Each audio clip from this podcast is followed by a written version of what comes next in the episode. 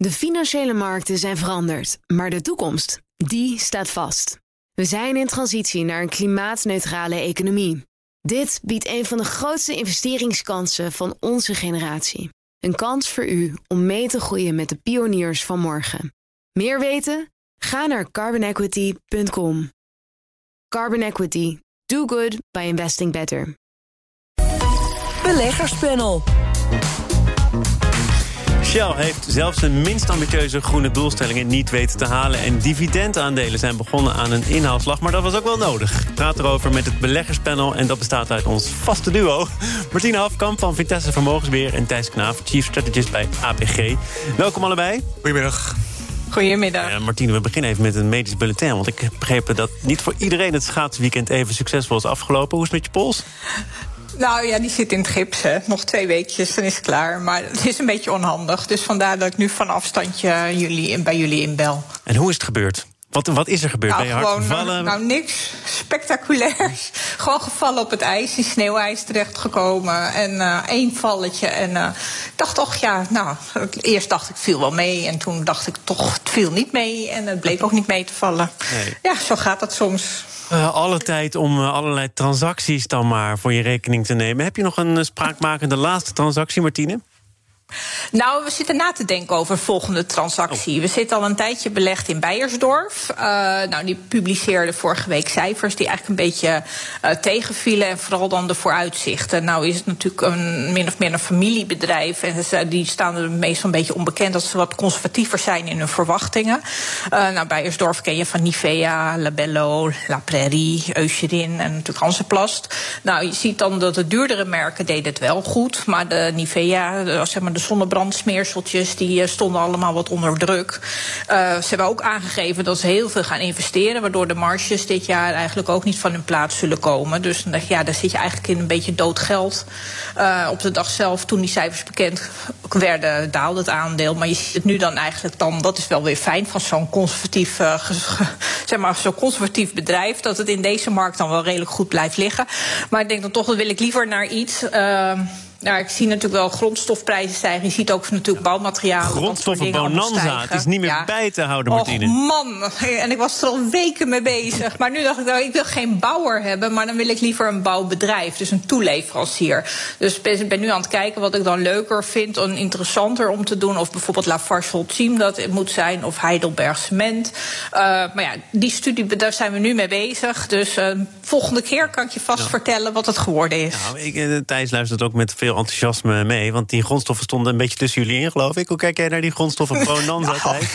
Ja. Het ging toen met name om zilver, wat een heel bijzondere grondstof is, omdat het ook een waardemetaal is. Maar ja, het is een bijzondere move van, uh, van crème naar cement. Uh, ik kan het niet iedereen aanraken. Maar ik, ik, snap de, ik snap de investment these die hierachter zit. Dus uh, ja, succes met nadenken. Thijs, jij stelt me ook niet teleur, want het is weer zover. Je hebt een papiertje bij je, dat wil zeggen, ja, slinger maar met de miljarden. Wat heb je, wat heb je aan laatste transacties? Ja, de, de grondstof papier doet het bij mij altijd goed. Uh, studentenkamers. Ik kan me de mijne nog goed herinneren. Rechtboven een café met op elke woensdag karaoke beneden. dat is een fijne herinnering, maar die kan toch stellen dat elders in de wereld... dat ze daar toch iets handiger in zijn. APG is in Australië al jaren eigenaar van een speciale studentenwoningen provider. dus dat zijn dan appartementen met een eigen keuken... en essentiële zaken voor de student, zoals snel internet, um, een uh, krachthonk en uh, fantastische schoonmaakservice die ik ook niet had in mijn studentenkamer. Gisteren werd bekend dat wij in, en dat is dan een stuk dichterbij dan Australië, dat we in het Verenigd Koninkrijk een, eenzelfde operatie gaan, gaan financieren. Voor 500 miljoen pond. Het is net geen miljard. 578 miljoen euro is dat. en daarvoor gaan we dus met dezelfde partner in het VK ook studentenkamers ja, beschikbaar maken in Londen en iets buiten Londen. Dwars door de Brexit heen. En dat was inderdaad de reden dat ik dacht: dit is een aardige transactie om te melden. Want het is onze eerste grote, grote transactie in het VK na de brexit van, van 1 januari. Waarbij we dus, ja, dat waren we niet heel enthousiast over. De economische vooruitzichten zijn daar niet beter van geworden. Maar er blijven gewoon gebieden waarin de Britten toch heel goed zijn. Hoger onderwijs is er één van. En met deze investering denken we daar wat van mee te kunnen pikken.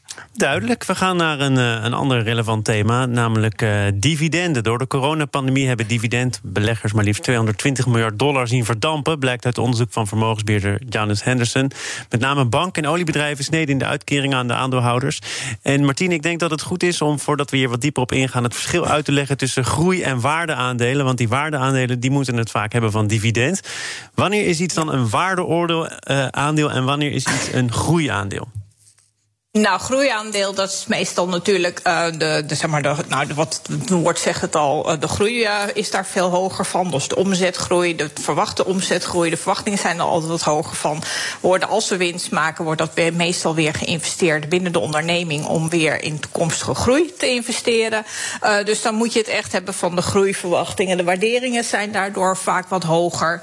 En waardeaandelen, ja, die zijn soms wat, ja, die zitten in een andere fase van de conjuncturele cyclus zeg maar. En die moeten altijd wat meer het hebben van hun dividend. Uh, nou vind ik dividend altijd wel een uh, interessant gegeven als het al zeg maar hele stabiele, lange dividenduitbetalers zijn. Dus de zogenaamde dividendaristocraten. Uh, dat zijn bedrijven die al, dat al heel lang doen. En dan denk ik dat is ook een teken van kracht. Want je kan alleen maar dividend uitkeren als je winst maakt. Ik bedoel, uh, moeilijker dan dat is het uh, sommetje niet. Uh, dus ja, en dan kwam er inderdaad dat verhaal van dat beleggers zoveel dividend zouden hebben misgelopen. Maar ja, dat vind ik dan ook altijd een beetje heel kort door de bocht. Want dat geld dat is niet weg. Hè. Heel veel bedrijven hebben gewoon geen dividend uitgekeerd omdat vorig jaar zo onzeker was. Nou, dan is het een beetje altijd het motto cash is king. Dus dan kan je het maar beter even binnen de onderneming houden. En je ziet nu natuurlijk ook dat dividend wel weer hervat wordt. En dat bijvoorbeeld Randstad ook nog een deel van het dividend dat ze niet hebben uit, eerder ja. hebben, niet hebben uitgekeerd, dat ze dat weer nu alsnog gaan doen. Dus ja, ik vind dus, het allemaal. En het is natuurlijk. Je ziet... bij. Ik kijk even, even naar Thijs. Want ja. ik geloof dat APG het in sommige gevallen wel een beetje van dividend moet hebben. Dat jullie daar een behoorlijke positie in hebben. Dus als het dan tegenvalt over vorig jaar, heeft dat dan ook meteen effect? Ja, dan krijgen we minder binnen. Dat ja. klopt, dat, dat is waar. Ja, maar dan kun je zeggen, ja, maar het geld is er nog wel. Het is alleen niet uitgekeerd in de vorm ja, van dividend. Ik vind het een beetje overtrokken. Kijk, als belegger in aandelen weet je dat je, je hebt nergens recht op. Hè. Dat, je bent een eigenaar van het bedrijf. Uh, als het bedrijf goed doet, kan je dividend krijgen. Als het bedrijf slecht doet, dan, dan kan het ook niet gebeuren.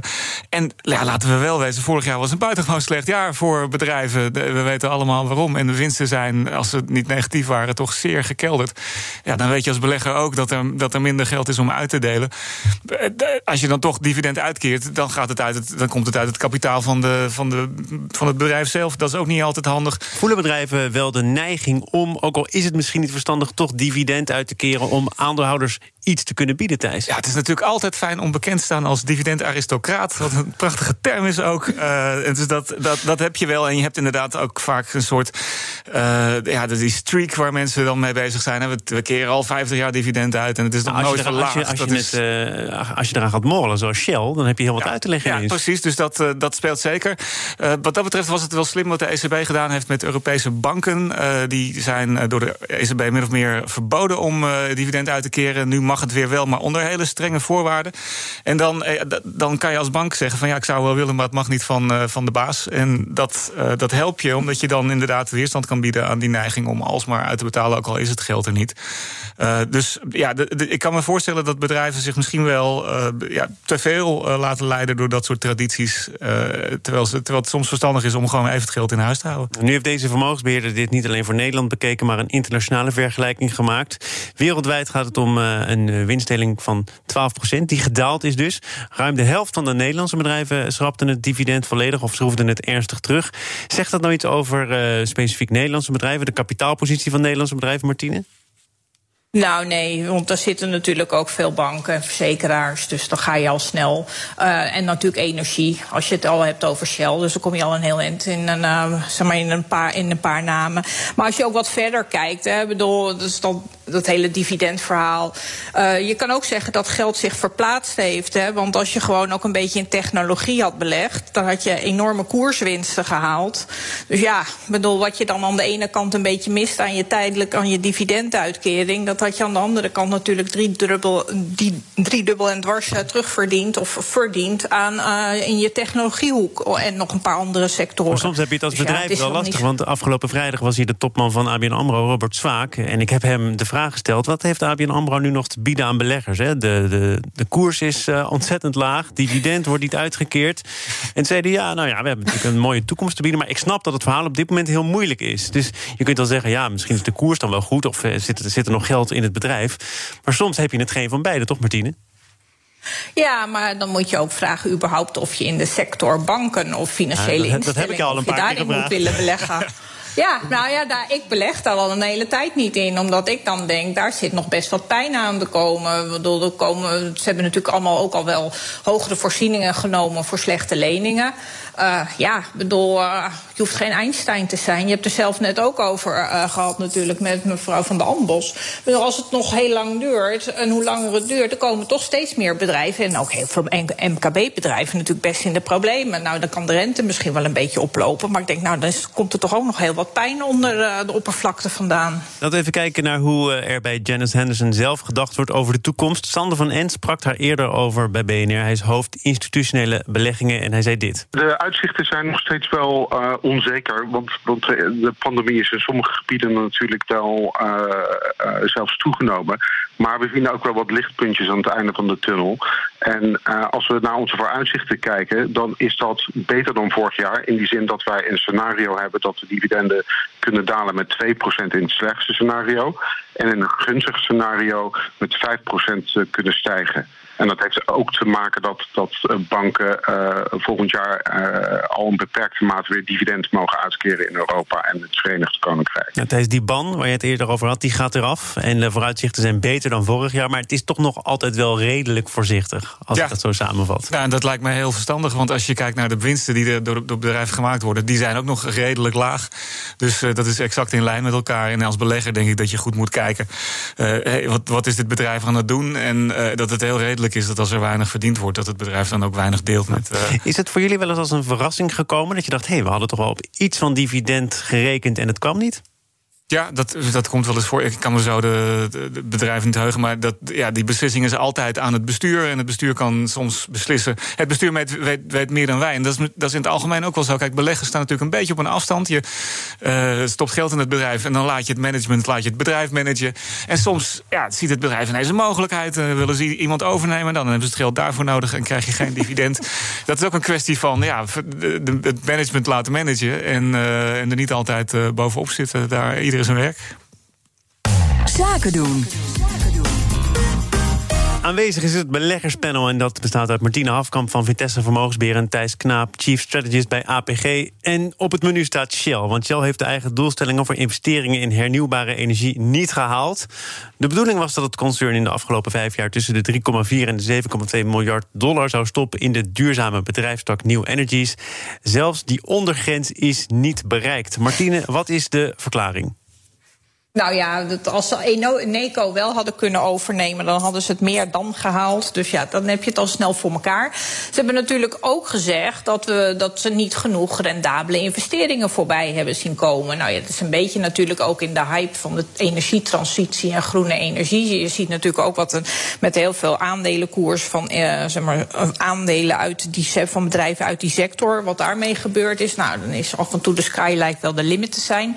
Ik denk ook dat het heel verstandig is dat je niet ten koste van iedere uh, prijs iets wil overnemen. Maar ja, als je ook weer wat verder kijkt. Uh, ze investeren natuurlijk hartstikke veel. Ja, 3 miljard lijkt niet veel op het hele investeringsbudget.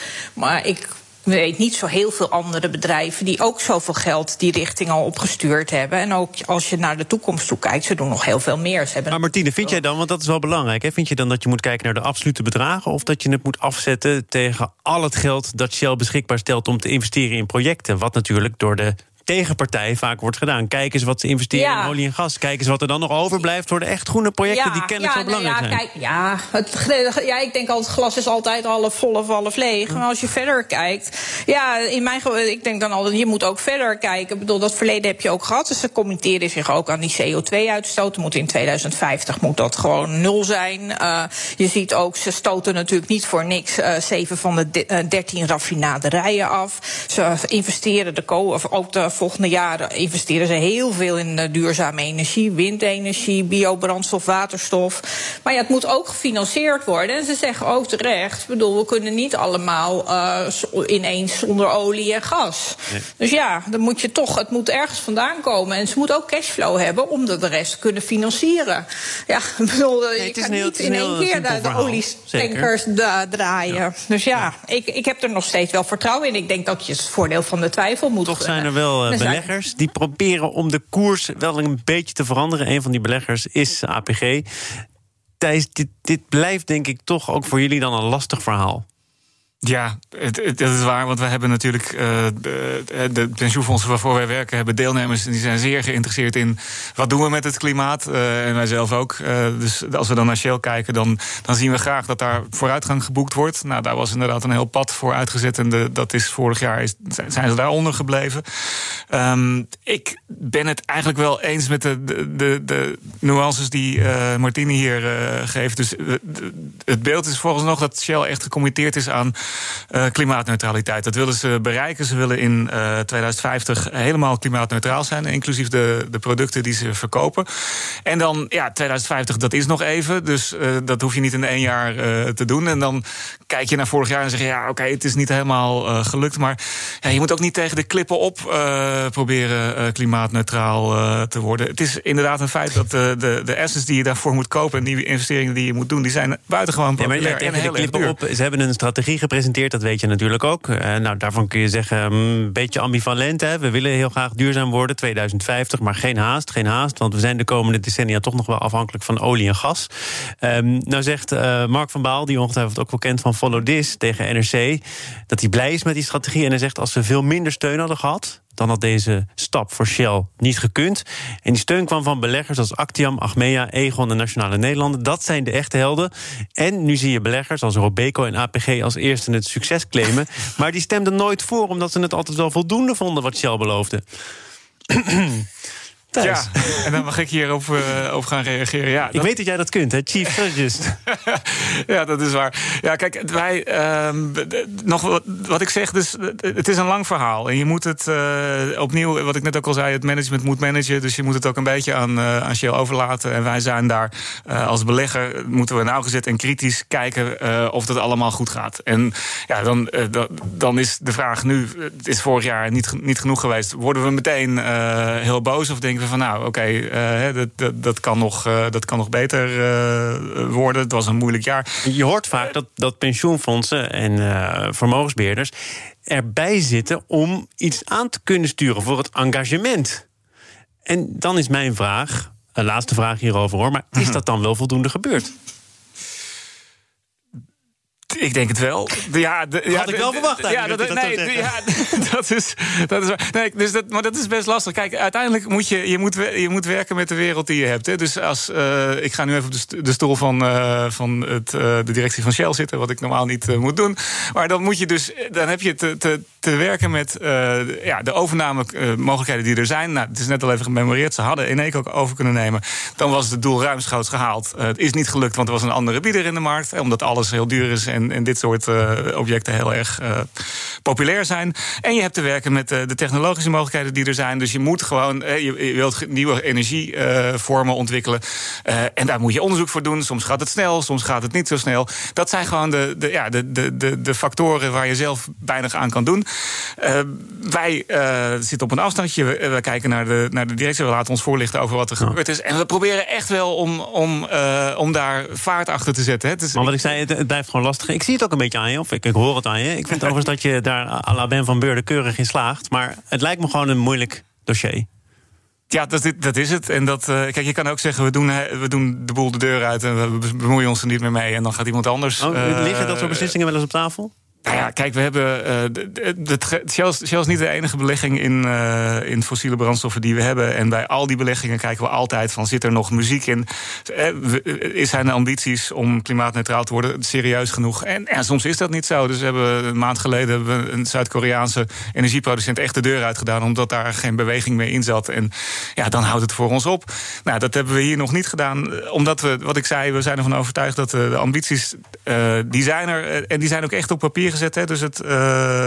nee, het is echt papier. Het is echt papier, maar op, het, op papier staat dat, uh, dat bijvoorbeeld de, de uh, compensatie de, van de directie direct afhangt met, van, van de uitstoot die Shell veroorzaakt. Dat is, een, dat is een serieuze ja. ja. prikkel, zoals economen zeggen, om het goed te doen. Dus daar, daar wordt echt wel aan gewerkt. Ja, en dan lukt het een jaar niet. Dat is verdrietig. Hè? Daar worden we ook niet vrolijk van. Maar ja, moet je dan meteen het hele verhaal opgeven? Ja, nou, dat punt zijn we nog niet. Nee. nee dat, nou, Thijs, het zit erop. We kunnen het over iets anders gaan hebben. Goed, ja, mooi. Wat hebben we nog liggen? Uh, China onder andere. Ah, China wil dat de Amerikaanse president Biden de handelstarieven en de sancties schrapt die zijn voorganger Trump heeft ingesteld. Het is hoog tijd dat eh, bij de economische grootmachten weer goodwill gaan opbouwen, zegt de Chinese minister van Buitenlandse Zaken. Uh, Martine, nou heeft Biden het beleid van Trump wel bekritiseerd, maar is hij tegelijkertijd volgens mij best een hardliner. Dus gaat er echt iets veranderen? Nou, dat lijkt me sterk. Uh, de toon van de muziek zal een beetje anders worden. Het zal iets politieker geworden. Maar bedoel, uh, Xi en uh, die, Biden die kennen elkaar ook nog uit het Obama-tijd. dus hij weet eigenlijk ook wel dat. Hij, had, hij heeft zelf ook gezegd: ja, ik wist het eigenlijk wel, want ik ken hem al een boosje.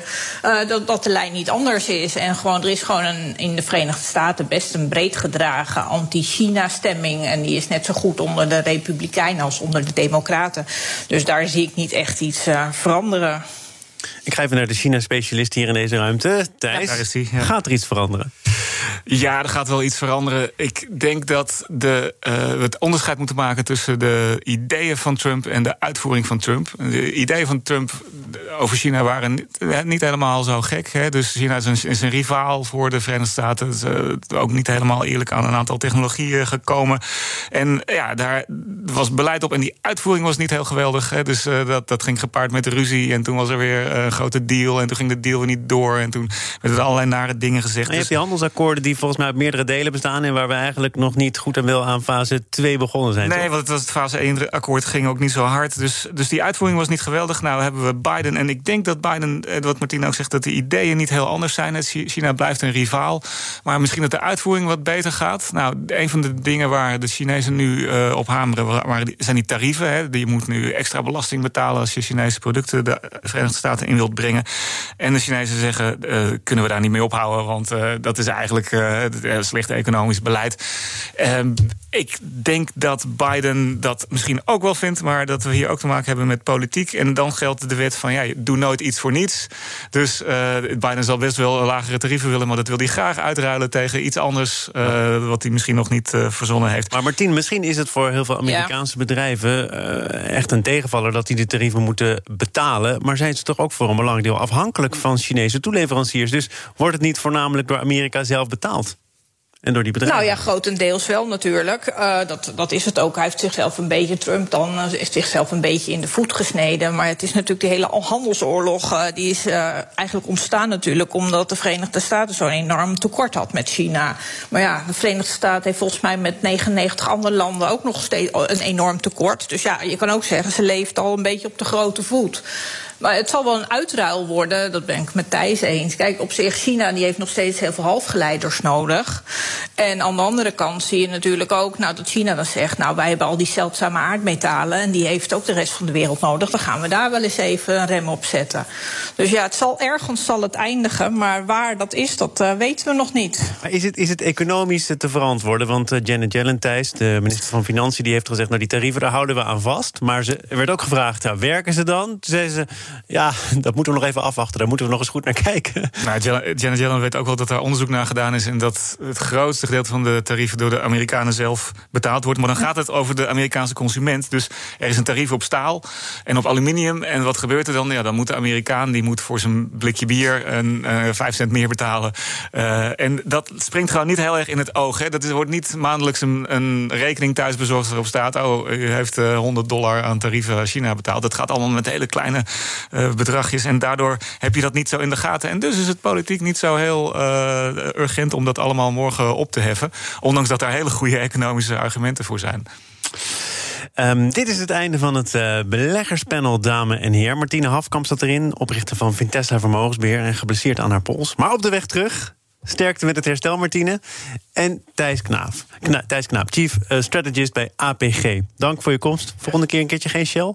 Uh, nou ja, goed. Uh, Mag altijd. altijd bereid om daarover te Goed zo. We gaan het uh, zo meteen hebben over een bedrijf dat flink profiteerde van een overname aan het begin van de lockdown. Blijf luisteren. De financiële markten zijn veranderd, maar de toekomst, die staat vast. We zijn in transitie naar een klimaatneutrale economie. Dit biedt een van de grootste investeringskansen van onze generatie. Een kans voor u om mee te groeien met de pioniers van morgen. Meer weten? Ga naar carbonequity.com. Carbon Equity. Do good by investing better.